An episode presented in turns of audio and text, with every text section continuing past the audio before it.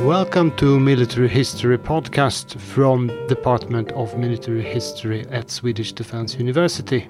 My name is Piotr Wawrzeniuk. I'm teacher and researcher in military history and my guest today is Professor Robert Frost from the University of Aberdeen. Robert specializes in Polish Lithuanian political and military history and we will be talking about the concept of military revolution and how it applies to states in Baltic area. We talk about fortunes of states and how they were shaped by the adaptation to the requirements of military change. Finally, and not least, we talk about Polish Lithuanian and Muscovite Russian example of military adaptation. You employ the concept of military revolution to wars between several states in the Baltic area over a period of almost 170 years, from 1558 to 1721. What are advantages of using the concept of military revolution from the perspective of development of states and from perspective of military change and innovation? Well, I needed some sort of concept around which to organize the story because it would just be easy to give a narrative of the wars, but that is very dull to read, one damn battle after another. And I was taught history at St Andrews in the late 1970s by Geoffrey Parker, who was the man who took up this concept of a military revolution from Michael Roberts, who'd first enunciated it or developed it in a um, a lecture at Queen's Belfast, his inaugural lecture in 1956. And it was Parker who really took it on and made it into a much bigger theory, which was a theory partly about military change, but largely about the impact of military change. And that is what I wanted to bring out in the book. And one of the things that had struck me by reading about the military revolution was that it was very much focused on Western Europe and Scandinavia, of course, because Roberts was a historian of Sweden. And Parker, in fact, in his book, The Military Revolution, said the wars on the eastern half of the great European plain uh, were resistant to military reform. And I thought that was mistaken. And Yes, if you look at the history, the military history, and the fortunes in those wars of the various protagonists um, Sweden, Denmark, Muscovy, which becomes Russia at the end of the period, Poland, Lithuania, and Brandenburg, which then becomes Brandenburg Prussia, plus some minor actors, that trying to tie their military development into a common story was difficult because they went in very different directions. And their military systems were very different, although there were overlapping elements.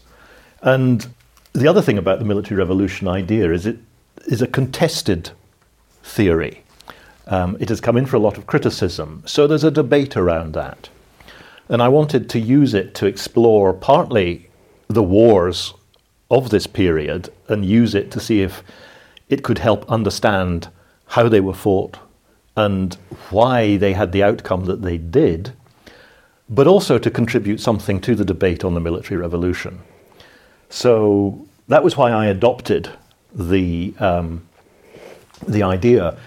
I mean, Roberts's thesis was predicated on the idea that military change of a purely technical kind, as he put it, so changes in the application of gunpowder technology um, and fortifications, although it was Parker who really stressed the importance of the new style fortifications of the 16th and 17th century, that these mattered because they had implications for the way that armies were recruited and raised and the way that armies fought, which put demands not just on states but on societies.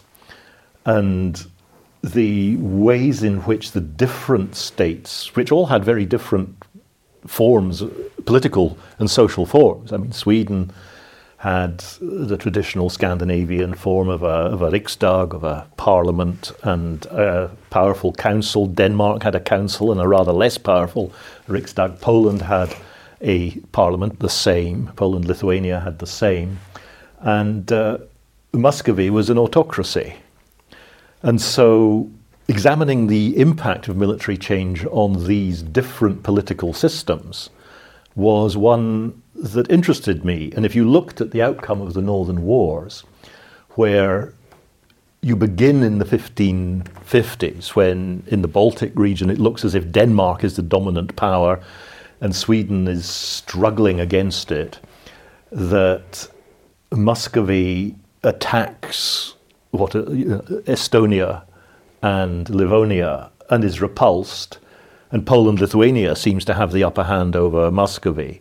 By the end of the period, Sweden has become dominant within the Western Baltic, whereas Russia, Muscovy Russia, has eclipsed Poland Lithuania, and then in the Great Northern War, it wins the battle against Sweden, and Sweden begins to decline. The Sweden's age of greatness is over, although it, of course, maintains itself as quite a powerful military system thereafter. And so the military revolution, it seemed to me, gave me a way of exploring how and why that happened. That nobody had brought together in this way. There were various articles and pieces of literature on the military revolution in individual states, but nobody had tried to put it together. And so I perhaps rather over ambitiously, thought, well, I shall try. The book really succeeds. Thank you. In, in, in showing how different states with different political systems and different military needs, given the military military topography, climate, mm-hmm. etc., how was still adjusted to challenges posed by increased firepower, mm. increased uh, firepower, not least of the artillery, mm. over extensive period. Uh, and you look at several several conflicts, several wars. Which ones are included in your in the study? One of the problems of doing this history was that there was no agreement in the scholarship even what to call the wars. I wrote my doctoral dissertation on the government of Poland Lithuania during what the Poles called the Second Northern War, which was the War of 1655 to 1660, also known in Poland as the Swedish Deluge, because the Swedes invaded Poland Lithuania from two directions and brought about in 1650, the summer of 1655, the virtual collapse of the entire Polish system. But in German scholarship, this was known as the First Northern War. But I saw or I believed that there was a whole cycle of wars that began with the Muscovite invasion of Livonia in 1558, when um, Ivan the Terrible invaded, uh, you might say that, the, that his invasion of Finland in 1555 was um, sort of the precursor of that war. It was showed that Ivan and Muscovy were beginning to push west and wanting to break out to the Baltic in some way. But 1558 was the real starting point.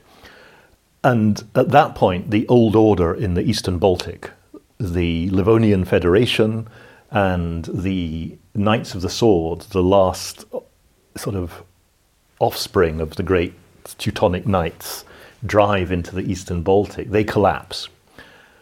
And a vac- power vacuum is created. And Muscovy, Denmark, to a lesser extent, and Sweden and Poland, Lithuania seek to fill that um, vacuum and that releases a cycle.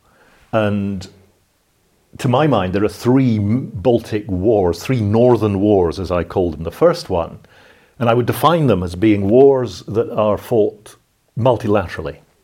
There are within that period of northern wars smaller periods of conflict where there's one power against another. So I would call the Seven Years' War of the North or the Scandinavian War of the North um, in the 1560s between Sweden and Denmark. That's a part of the Northern Wars, but it's a separate sideshow, is it? Nordiska sjuårskriget. That's the one, indeed. Um, but the first Northern War really lasts from 1558 until the peace treaties that are made separately by Poland, Lithuania, and Sweden in the 1580s. And Sweden carries on into the early 1590s. Um, that's the first general period of warfare. You've then got a collapse of Muscovy into the time of troubles. Poland and Sweden intervene separately in those times of troubles and reach peace with Muscovy in different ways um, in the 16 teens. But it's not a period of general warfare. Then the second northern, uh, uh Muscovy invades Poland Lithuania in 1654 and starts what's called the Thirteen Years' War but, um, between 60, 1564, sorry, 1664 and 1667. But that's a Polish Muscovite war. And the re- real period of general warfare is that second Northern War when, after Sweden invades, seeing the Lithuanians collapse in the face of Muscovite aggression. I mean, Vilnius falls to the Muscovites in August 1655, and the Swedes go, oh dear, this completely upends the balance of power and threatens Livonia and Swedish Estonia. So that's the second period of general war. And then the third Northern War is the Great Northern War at the start of the 18th century, the one that, you know, after Poltava really ends the question because Russia takes the Livonia and Estonia. Um, Poland, Lithuania becomes a second rank power, and Sweden is left again as a second rank power, although still, um, you know, fairly secure in the Western Baltic. And that there are wars with Russia after that, but really, Sweden's age of greatness comes to an end in 1721. So you basically look at the most decisive conflicts in the area involving several states rather than dual. Yes, I mean, I, I, I, didn't, you know, with, with the side shows like the Seven Years' War of seven, Nordic Seven Years' War in the 1560s, I did write about them, but to illustrate certain themes that I was drawing out. Um, you know, in that war, as I see it, Sweden, sorry, Denmark, which was the wealthiest power, Denmark could afford to raise a mercenary army, but couldn't pay it enough to persuade it to take the field. So it won all the battles, the only battle, real battle that took place. Whereas Sweden could call on the peasants to join and defend Sweden, but they didn't know what they were doing. And it was a very strange war, but um, not a classic war. But it sort of was an invitation for me to talk about the problems that states would face in this period of rapid military change. How could they meet the challenges? And Sweden, of course, by the early 17th century, thanks to not just to Gustav Adolf, he builds on what's gone before what Sven Nilsson calls the, the origins of the military state, which the foundations are laid before Gustav Adolf, but he brings the whole set of arrangements to um, a conclusion that is very, very effective for a while. But Sweden can't really maintain the success that it enjoys thanks to the unique conjunctures of the Thirty Years' War. It can't repeat that ever after and um, even Charles XII can't repeat that. And so I was interested in those shifts in the balance between the competing forces, which had a lot to do with how they, in different ways, in very different political and social systems, met the challenges. And the answers that they came up with were very different. Because, and that was what struck me about the this Eastern Baltic theatre of war, because it was very, very different in terms of the conditions under which war was fought to the classic wars of the military revolution, which were fought in the Netherlands, um, in Germany, in um, France, and so on, where the conditions in the theatres of war were very different. Um, Eastern Europe is much more sparsely populated. It is huge. Um, so sustaining an army is a much greater challenge. The logistics of war are just very different. And if you look at the Spanish and the Dutch fighting in the Eighty Years' War between um, the 1560s and 1648, the Netherlands are a tiny little place, highly urbanized, full of fortified towns. Yeah, or as one 16th, sorry, I think it was a 17th century Englishman who said it's the, the buttock of the world full of blood and no vein, uh, blood and veins and no bones in it, I think he said, because it's wet and it's, but you're never far from another set of urban fortifications. And so the kind of war you can fight there or down the western frontier of, sorry, the eastern frontier of the Holy Roman Empire, the western, uh, sorry, the eastern frontier of France and the western frontier of the Holy Roman Empire. It's a very different kind of war from um, a vast open lands of Poland, Lithuania, and Muscovy, with these narrow coastal strips around the Baltic, where you do have proper modern fortifications and around ports like Danzig or Riga or Reval. I use the contemporary names rather than the modern ones. Now, the concept of military revolution was originally developed by Michael Roberts in 1950s, but has been developed further by people such as Williamson Murray or MacGregor Knox, for instance, in the volume they edited, The Dynamics of Military Revolutions. The idea is that there has been several military revolutions, not only the one of Roberts, but they also add uh, the revolution of, of numbers, rise of, of actual operations as, as we see them during Napoleonic times, using nationalism and being able to employ a lot of people all of a sudden, a lot of manpower, which changed tactics and the way they operated. Uh, over vast uh, areas. Then we talk about the third revolutions coming with industrial revolutions and its several steps allowing for industrialization of warfare and producing more deadly material. Then we have a revolution of maneuver and air force, introduction of air force during First World War, and then finally they mention the atomic bomb, nuclear weapons, introduction of nuclear weapons, and particularly so intercontinental uh, ballistics robots making possible to knock out big uh, chunks of the world. And every such revolution su supposedly changing both war and society. Uh, so we are talking about huge, huge processes, societal, political, but also when it comes to military development. And sometimes, sometimes there, there is no actual military change to begin with, but it starts with a political change, as in Napoleonic times. Uh, sometimes the military are not the driving force behind the military change because the scientists rise up to the task as with the atomic bomb. There, were, there was no such military imagining the potential of, of, of nuclear bomb. So this concept has been developed and, and applied to various periods of time in history, and that's what my, my military students are, are have to deal with, with looking at military innovation.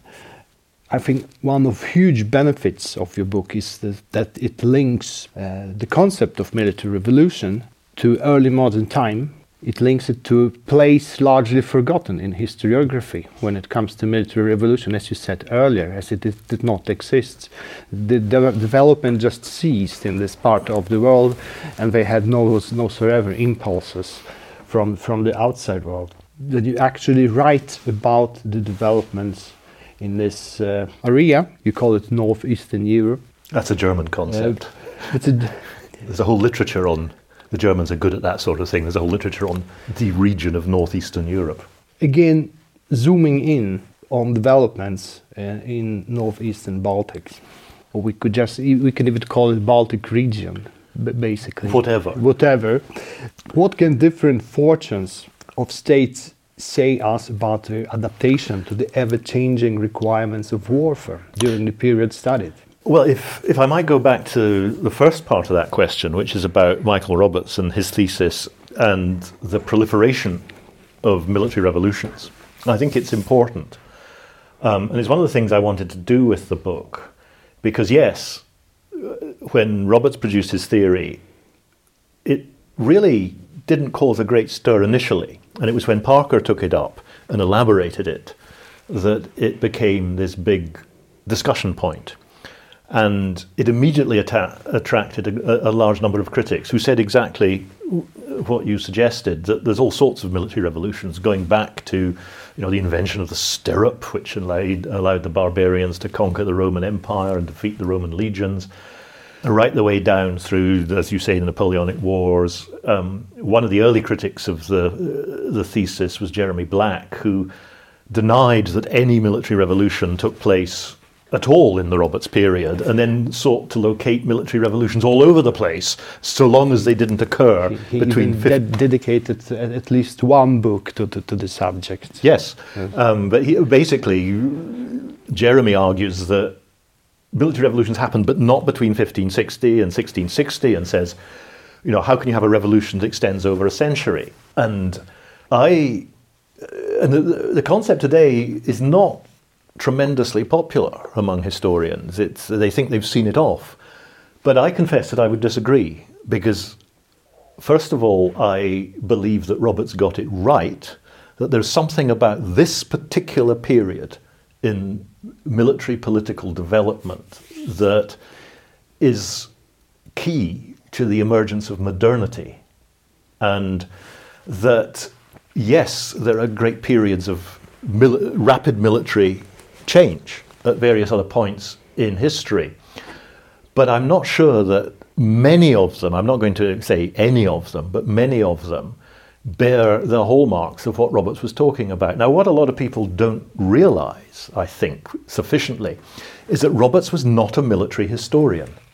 He was a political historian who was interested in the political development of Sweden. And one of the reasons I wanted to write this book was because Sweden is one of the major um, powers in the Northern Wars, and it's the central power in Roberts' thesis. He dreamt up the idea because he was writing the biography of Gustav Adolf, and he wanted to explain what was going on around him. But if you look at Roberts' military history, it's pretty um, schematic. There, and if you read the eight volumes of the Swedish General Staff history of the wars of Gustav Adolf, which I have done, he takes it all from there, basically uncritically, because he's not really interested in the military history.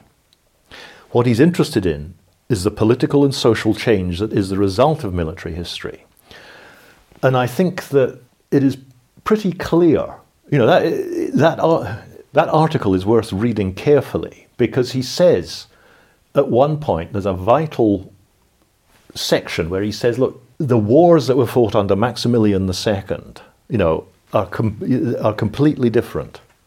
That if you look at the wars that are fought under the Great Elector, you know, they are the same thing, uh, same same wars that are fought by von Moltke and Schlieffen. This is a, a different military world after about 1660. You know, the chronology is not exact. It can never be exact. And one of the things I tried to do in the book was to show that for different powers, the chronology was different in trying to catch up and deal with this military change. But, and perhaps in northeastern Europe, some of the changes took place later, like in Russia under Peter. Under Peter. But what is key about this, if you look, there is a move away from military systems which are essentially medieval in that monarchs and warlords will call up their nobilities, their, um, their subjects who are amateurs because they're not full time soldiers, to come and defend the country. That campaigns are fought in the summer largely because everybody's got to go in and bring the harvest together. That, you know, I'm not going to call it feudal, but there are sort of lines of mutual obligation that reach down through society that people come out to defend the realm. One of the great problems, and that was a problem for Sweden initially, was that while people would come out to defend the realm when they're called by their lord, there is not a law that um, permits them to remain in an army for an offensive war. They'll defend the country, but they won't fight offensively. Now, so that, for example, in Poland in the medieval period, the the nobility would come out and defend Poland when the king called. But if he wanted them to fight outside the borders, and that could be the borders of their province, let alone Poland, the Polish kingdom as a whole, he had to pl- pay them five marks a month or whatever it was. And most monarchs couldn't afford that. But what do you get after this period? After about 1660, you can see it across Europe the emergence of permanent standing armies, small at first. But if you look at so much of the modern military world that we know, permanent regiments um, with a history and a culture all of their own, they date back to this period. Um, uniforms, drill, barracks, this all emerges after 1660 in most, most places. So that you know, the oldest regiments in the British Army, the, the Royal Scots, the First of Foot, the Coldstream Guards, date back to the 1650s, the end of the Protectorate and, and, and the Restoration. You can trace regiments in the Austrian army back to Wallenstein. Um, Wallenstein is one of the military entrepreneurs who realizes most how to equip an army. And, you know, the Austrian regiments after the Thirty Years' War wear uniforms largely of the same colour as Wallenstein had provided. And this is part of a transformation where armies do get bigger, not just armies assembled for one purpose, but armies that are kept permanently on a footing. I mean, Wallenstein said that he didn't believe that an army of more than 30,000 men could be kept together for any period of time which I always bear in mind when people give me fantastic numbers of men fighting in battles before 1660. But by 1700, powers are capable of keeping armies together. You get the um, development of such a major feature of modern armies, and speaking in this building, it's probably worth mentioning it, is the development of proper officer corps with commissioned officers um, a military career, and it's the Scandinavian powers and then Muscovy who developed the idea of a table of ranks.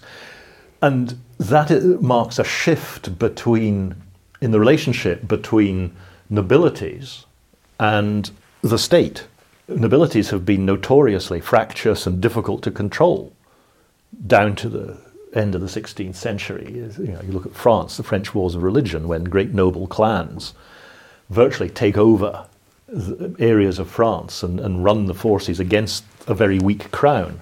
But by the 1680s, the 1780s, the French nobility have bought into this idea of a permanent army of regiments that they can buy. And this is not the state suddenly raising huge amounts of money. The, you know, the genius of the French system in the second half of the 17th century is that Louis and his well, really his military um, ministers and, and, finance officers, so Louvois, Letellier, Colbert, they are able to enlist the nobility and have the nobility use their own resources to raise regiments. And, well, every colonel wants his regiment to be smarter than that regiment down the road.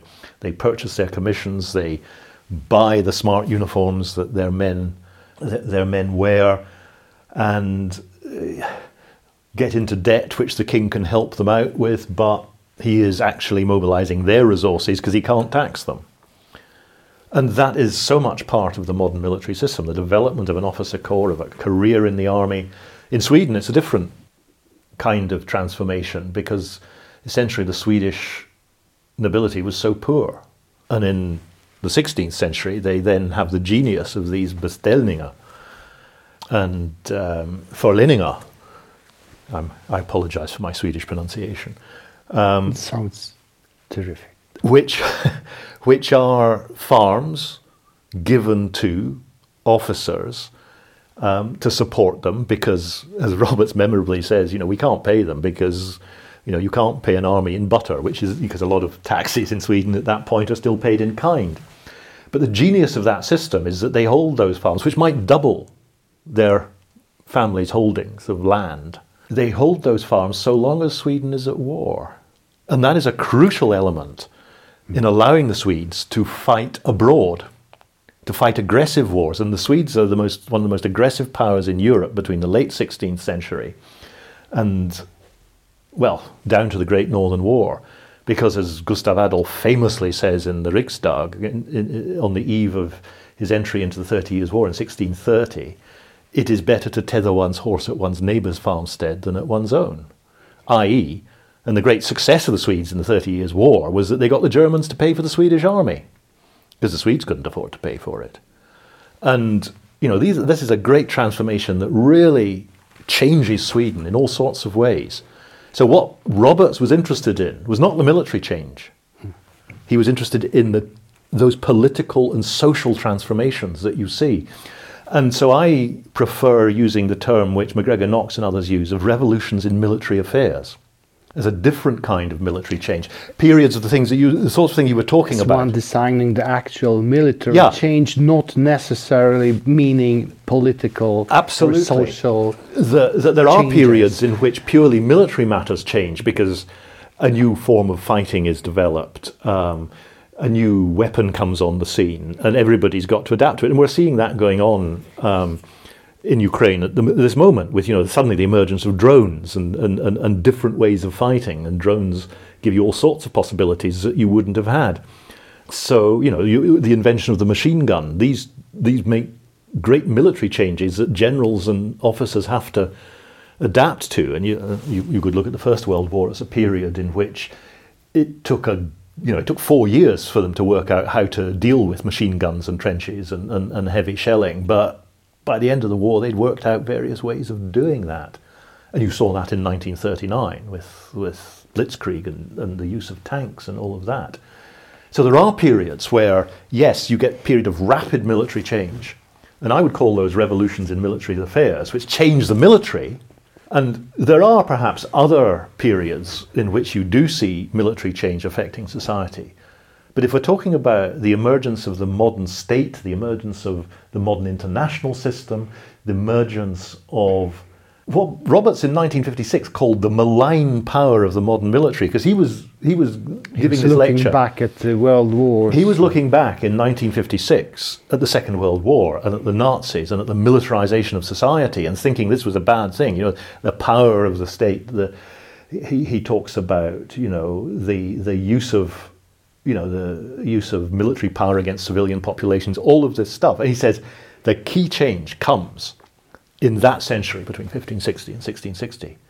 And I think he was right that this is the period of military change that brings about, in many respects, the modern world, where military history is significant for understanding general historical development. Perhaps one of the major periods in world history where that is the case. And to my mind, he was right. As you said earlier on, during the Napoleonic Wars, there are great changes, but you know, effectively, in the, in the there's a debate about whether there's a military revolution of you know during the, the revolutionary and Napoleonic Wars, and no, there isn't. There's no great technological change. The soldiers fighting for Wellington and and Napoleon are basically using the same technology, slightly improved, um, that were used in the wars of the 17th century. Smoothbore muskets, okay, the bayonet has come in and the pike has gone. The artillery has been improved. They can use it better. They can raise larger armies because the states have developed bureaucracies that can cope with that.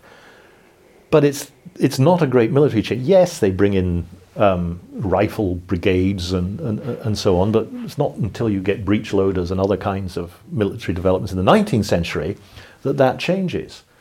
So yes, I believe in Michael Roberts, and I think instinctively he got it right. This is the major period in which societies had to adapt to a series of military changes that had taken place over a long time and have to be worked out slowly.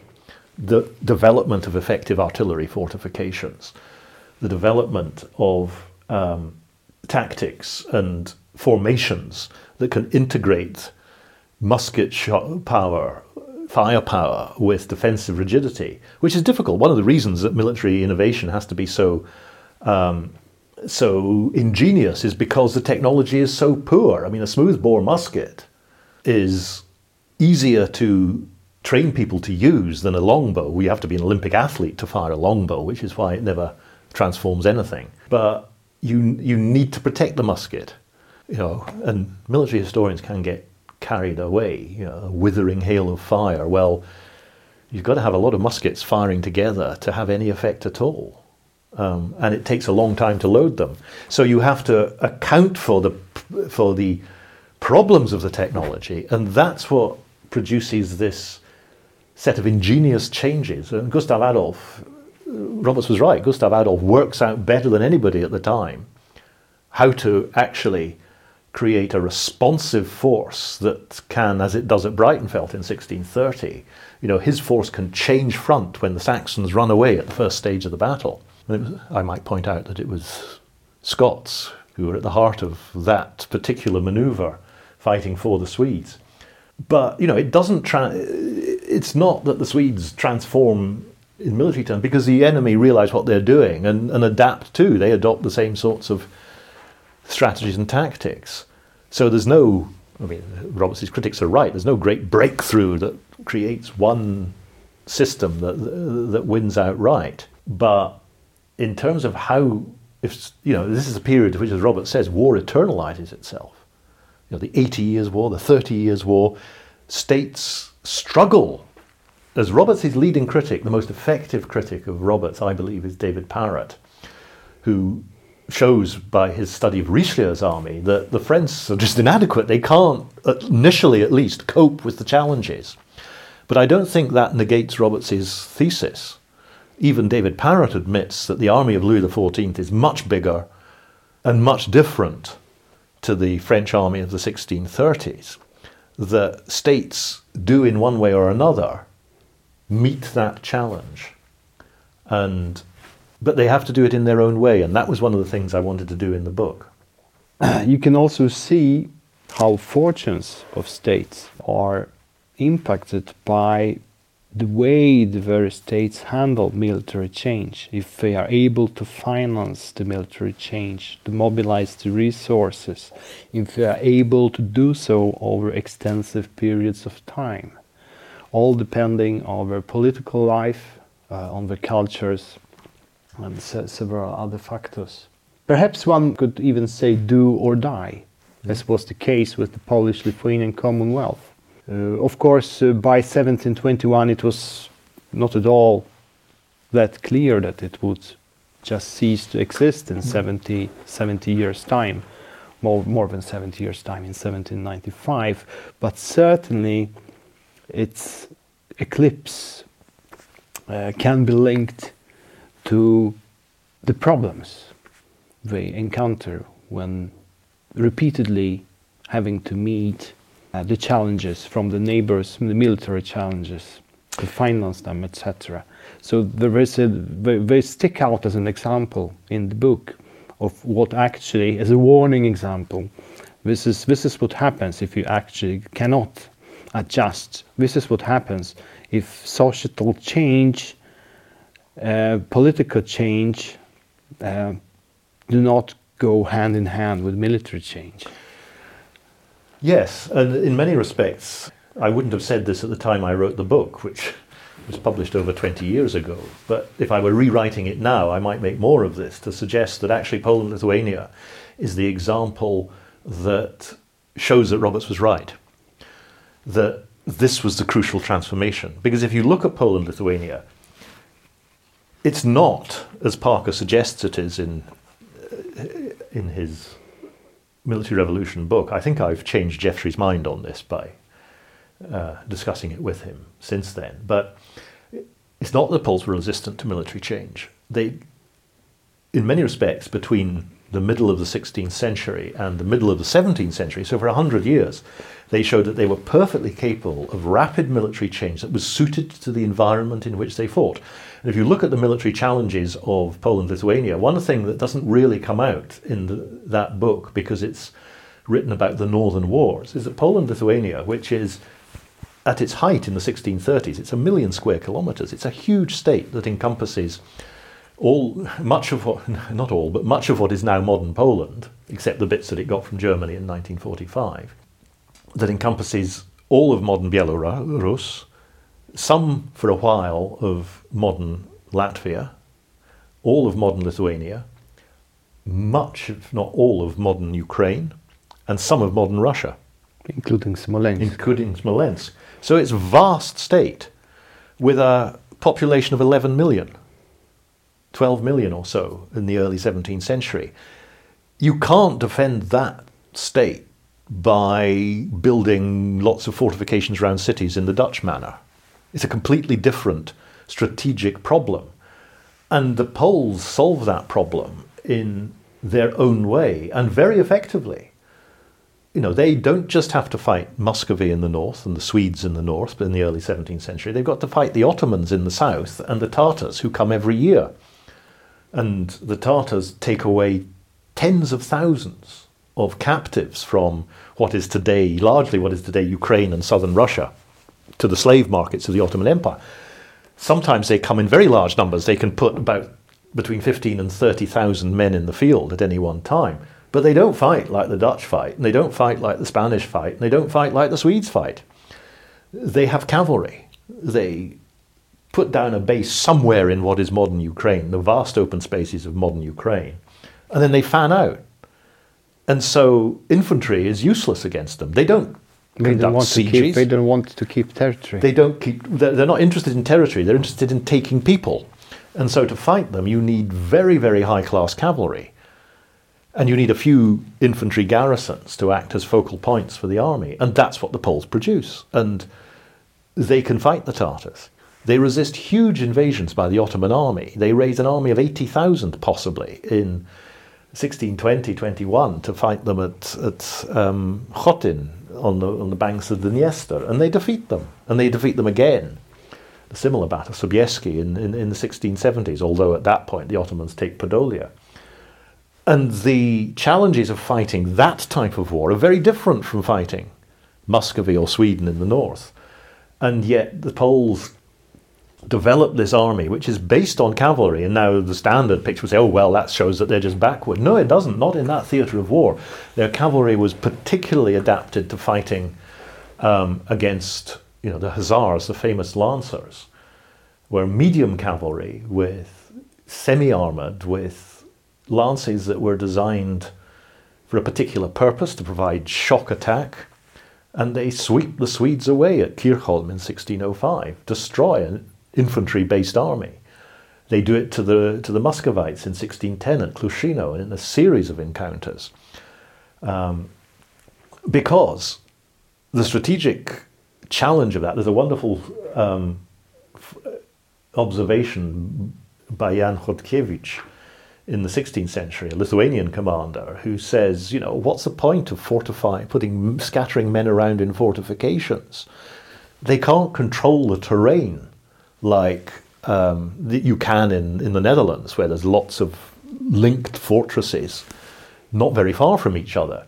He said, you know, let them let the Muscovites effectively bring in their army. We will beat them in the field as they did for a century. Every time the Muscovites came in, they got beaten in the field from um, Orsha at the start of the 16th century, right the way through down to Chudnovo and, and, and so on in, in the 1660s.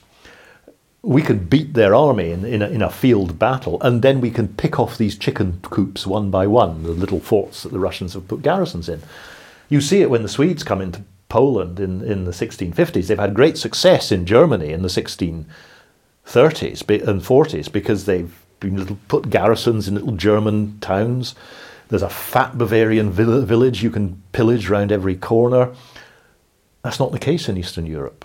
Vast open spaces, uh, the local population run away, hide their resources.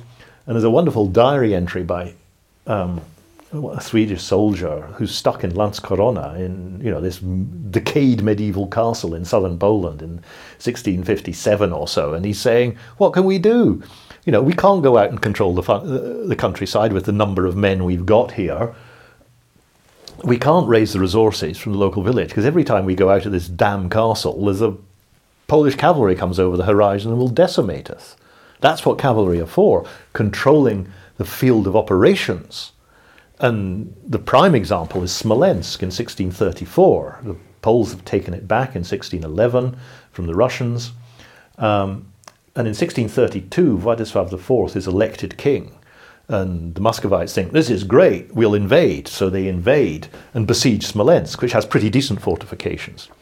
And it takes 18 months for the Poles to get their act together and raise an army to go and relieve Smolensk. Smolensk holds out. But once they've got that army together, the cavalry completely controls the countryside. The Muscovites are shut up in their camp and eventually are starved out and have to surrender. You know, the Poles succeed militarily. What becomes a problem? And it is my conviction that the failure of Poland and Lithuania is not a military failure. It's a political failure. Yes, certainly. Well, Yeah. it's a political failure in so much as they do not join. They never work out how their republic can conduct modern diplomatic relations, international relations, in the period after 1648, when you get the emergence of this idea of state sovereignty around the king, that you get modern diplomatic services developing. Well, in Poland, everything has to be controlled by the parliament. There is no network of by res- nobility. yeah, Mm. there's no network of resident ambassadors telling the Poles what's going on. And all the wars that Poland Lithuania fights after 1648 are fought on its own territory. And that makes a difference. They cannot defend their territory, and they won't fight aggressive war.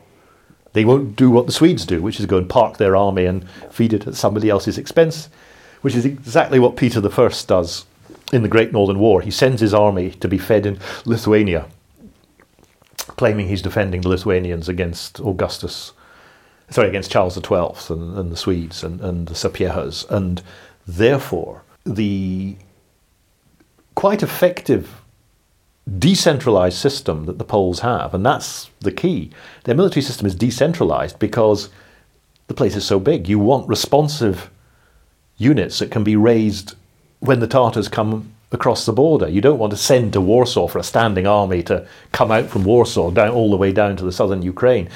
You know, in 1634, there's a minor Turkish threat when the Poles are relieving Smolensk. There's a minor Turkish threat. You could be fighting a war, you know, two, three thousand mi- on fronts two, three thousand miles apart. That's a strategic challenge, and the Poles do well up until around 1648, and then a key part of their defences in the south, the Ukrainian Cossacks rebel, and it's because the Poles, the Polish Parliament, will not allow a permanent force.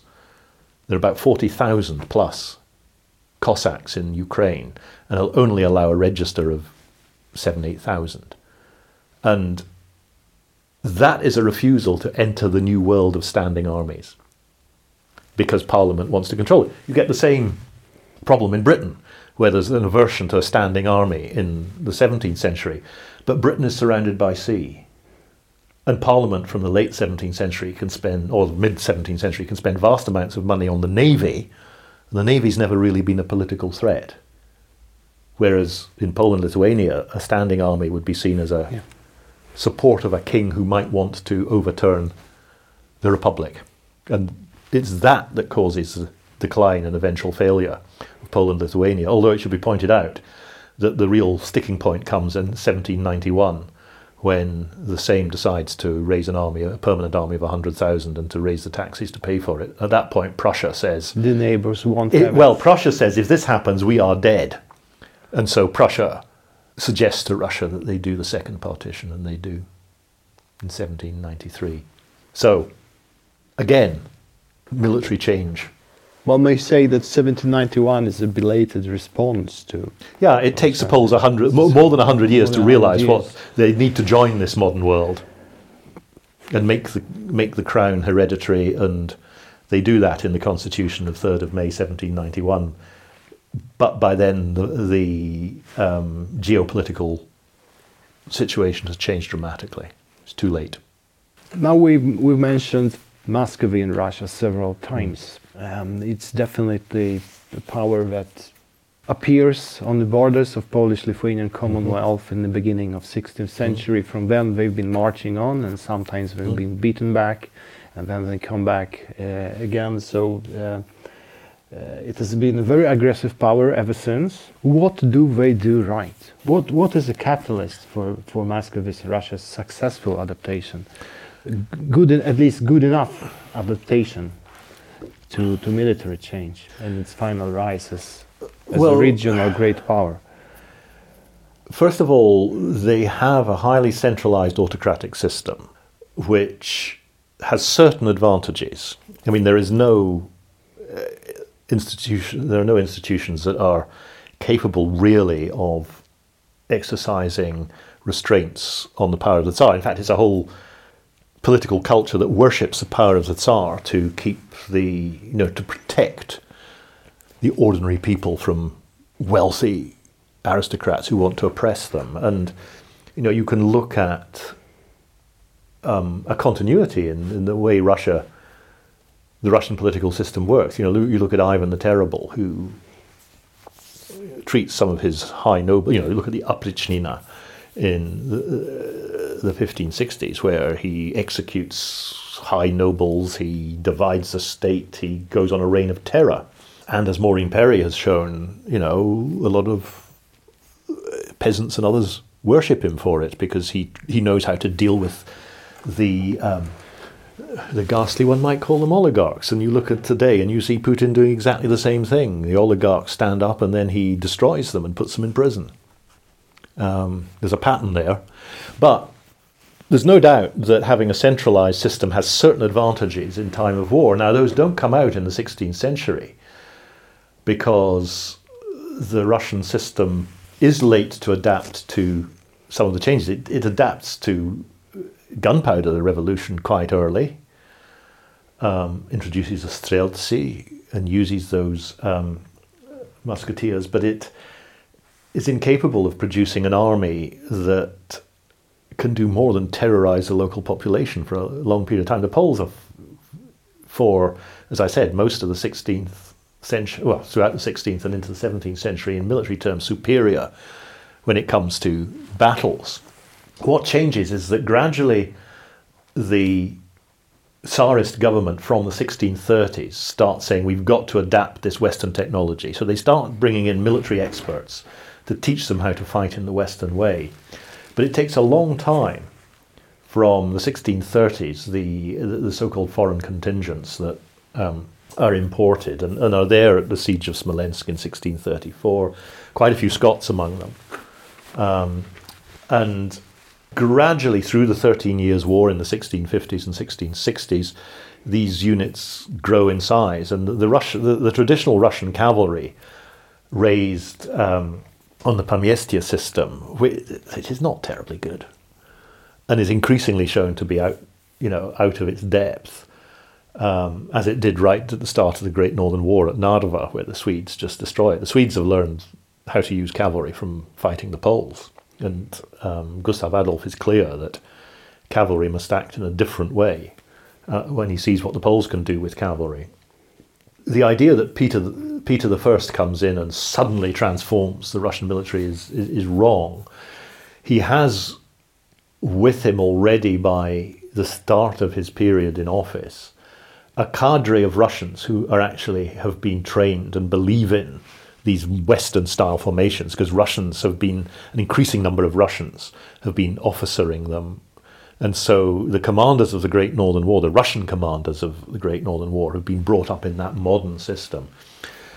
And then he enters a war where initially those armies, you know, can't cope with the Swedes because the Swedes have changed in the late 17th century with the introduction of royal absolutism after the failures in the years following the death of Charles X, um, when the Swedish army decays, because it, it is effectively trying to defend an empire that's too big for it. It's got a huge, vulnerable coastline around the southern coast of the Baltic, and it just hasn't resources to defend that unless it can fight in an aggressive war. Charles X fights an aggressive war against the Poles and finds he can't control the countryside in the same way as he does in the Thirty Years' War. And so he's got to get out of that. He can go and beat the, Dan- the Danes for fun, which he does twice in the 1650s.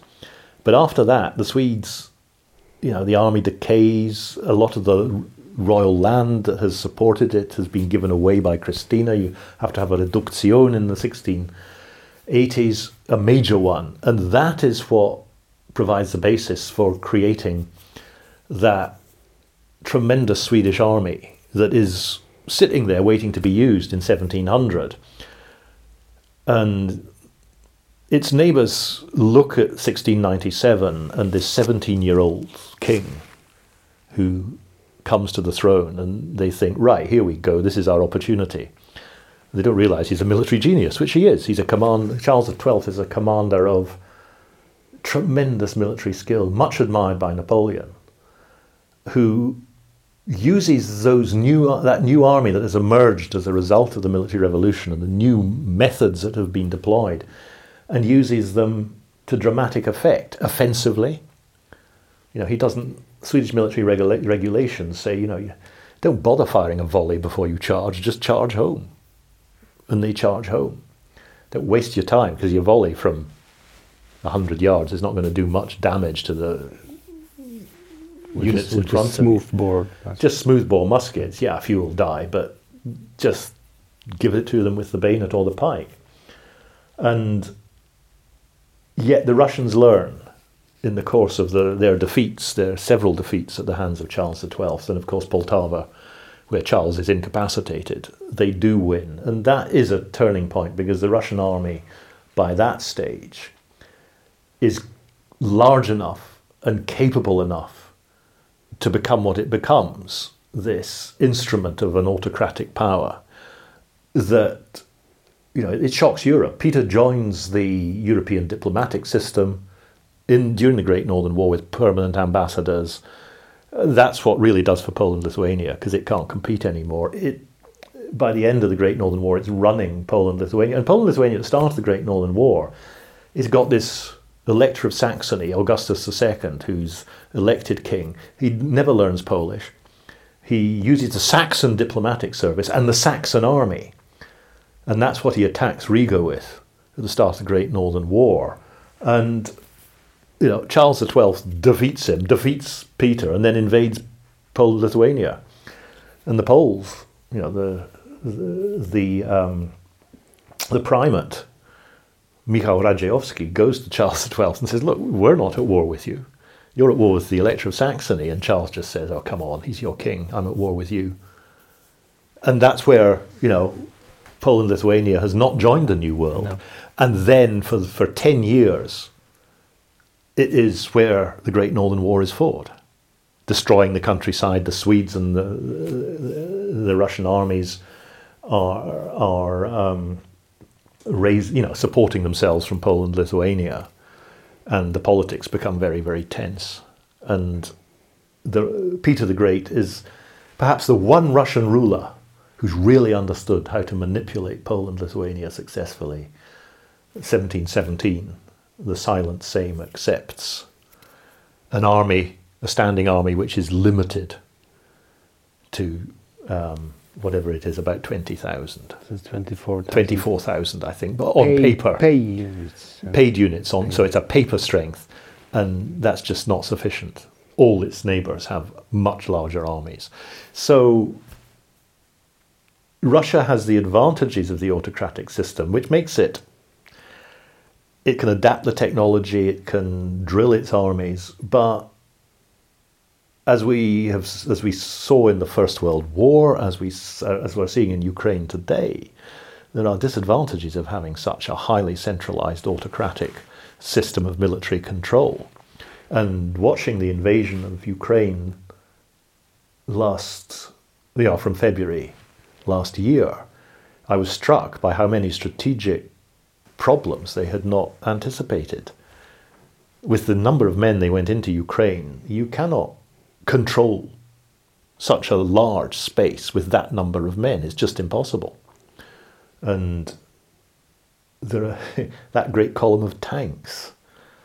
Yes, send the army in and get it picked off, as the Poles did to them in the 17th century. The strategic challenges of that theatre of operations have not changed since the 17th century, in some respects at least. And, uh, well, the invasion was predicated on the idea that the Ukrainians were just waiting to welcome their Russian liberators from this fascist government they're supposed to have. A complete political misreading of the situation. Obvious shortcoming of Yeah. quasi absolutist Putin, system. yeah, Putin, hmm. unlike Peter I, does not understand the politics of the West. Since we have entered the Contemporary period. contemporary period, thank you. I have a question about actually the future. Hmm. By a twist of history, you know, Swedish uh, Swedish army is likely to return to a modified Livonia of 21st century. Uh, once Sweden joins NATO, there are talks about stationing troops over there for obvious reasons. Are there any aspects of warfare, apart from military geography, in former Livonia and Estonia, uh, that are similar to conditions of 16th and 18th century? Well, I think that in some respects, yes. I mean, in military terms, obviously, the the way that war is waged now is vastly different from the way it was waged in the 16th and 17th centuries.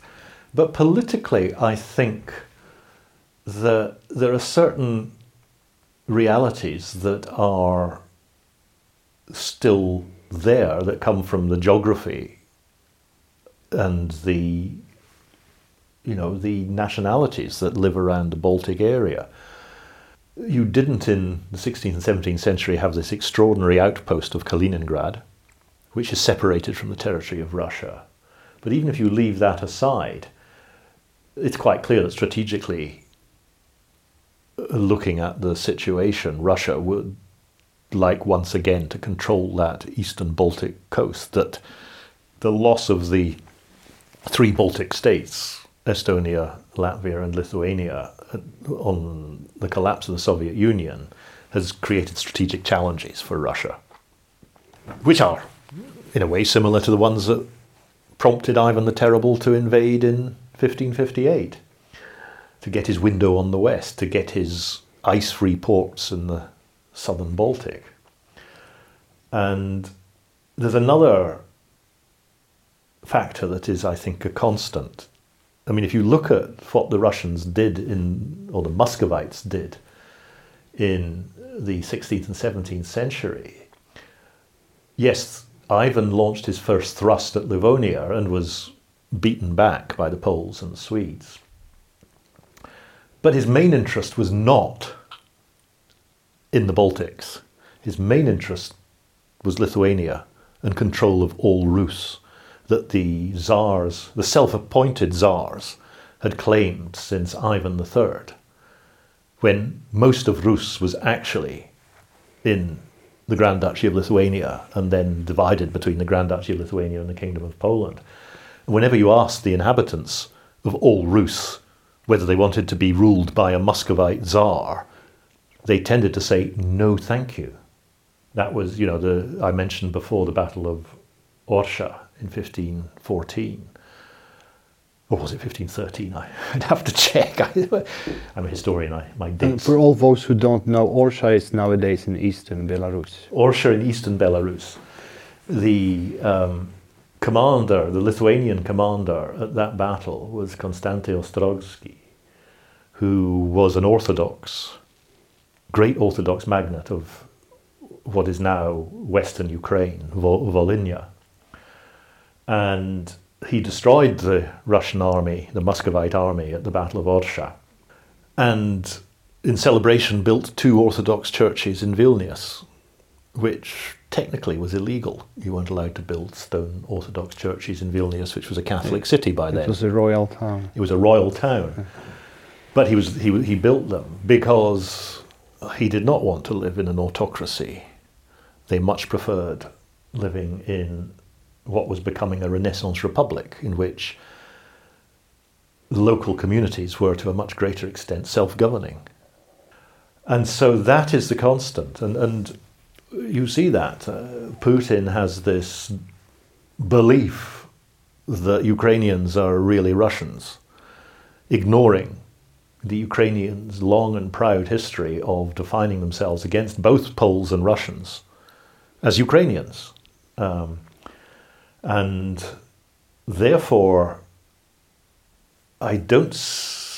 I think that Putin's main aims lie there in Ukraine and Belarus. He's got to keep Belarus quiet as well as Ukraine, and whether he can do that in the long term, I don't know. At the moment, his capacities are stretched. He can't even take Bakhmut, for heaven's sake. If he were to open another front in Livonia, as it was, and Estonia now, he'd be stretching Russian. I don't know. I'm I'm a historian of the 16th and 17th century, not a strategic studies person, but opening up another front up there might be challenging. And the Finns showed the Soviets in 1940 that they're no pushovers either. So the main Russian nationalist desire is much more concerned with Ukraine and Belarus than it is with the Baltic states. Yes, I suspect there's a very strong desire among Russian nationalist circles, many of whom, of course, are embedded in the military, that they would like to punish the Baltics for being released. And of course, there are fairly substantial Russian populations in Latvia and Estonia, at least, which can act as a fifth column potentially. But when it extends its fronts and tries to fight on several fronts, Russia has struggled in the past. I believe that unlike uh, in early modern times, we can, we can see um, a potential to contain Russia. There is, uh, yeah. Uh, that it's duly increased com compared to 17th or 18th, 18th, particular 18th century or, or 19th century. Well, there, there was, and, and yet in the early modern period, there was that point at which it was recognized that Russia could be contained. And a sometimes much maligned king of Sweden, John III, Johann III, was the man who who spotted that. I mean, his elder brother Eric XIV was more, you know, he he was more inclined to an alliance with the Tsar, but Johann, who was Duke of Finland, married the Jagiellonian princess Catherine Katarzyna because he saw that Sweden and Poland together could contain Muscovy. And so, with all sorts of second thoughts, he allows his son to be elected, Sigismund, be elected to the Polish throne, and to be brought up a Catholic, because he recognizes that in the two powers, I think, because in the two power of the two powers, Poland is by far the more powerful at the time of that marriage and that election in 1587. It's got a much bigger population, it's got potentially far greater resources. And Poland and Sweden together would be able to contain Muscovy at that point. But of course, as we know, religion raises its head, and the problems of a king of Poland also trying to rule Sweden, even if the religious issue had not been there, pose all sorts of problems. But if that political union had worked, with the Swedish council ruling, basically controlling Sweden in Stockholm, and Sigismund ruling in Poland, it could have worked. But instead, you ended up with 60 years of Polish Swedish war, which did neither side any good no. and did not help no. to contain Russia. So, but these are the accidents of history. But we historians are can be not bad at the past. We're pretty lousy at the present, and don't ask us to discuss the future because we haven't a clue. Hey, Robert, thank you. Thank you very much. Well, it was fun. Thank you for staying with us all the way. And if you decide to check out our podcast, you might find that there are several in English. Thank you very much. Bye bye.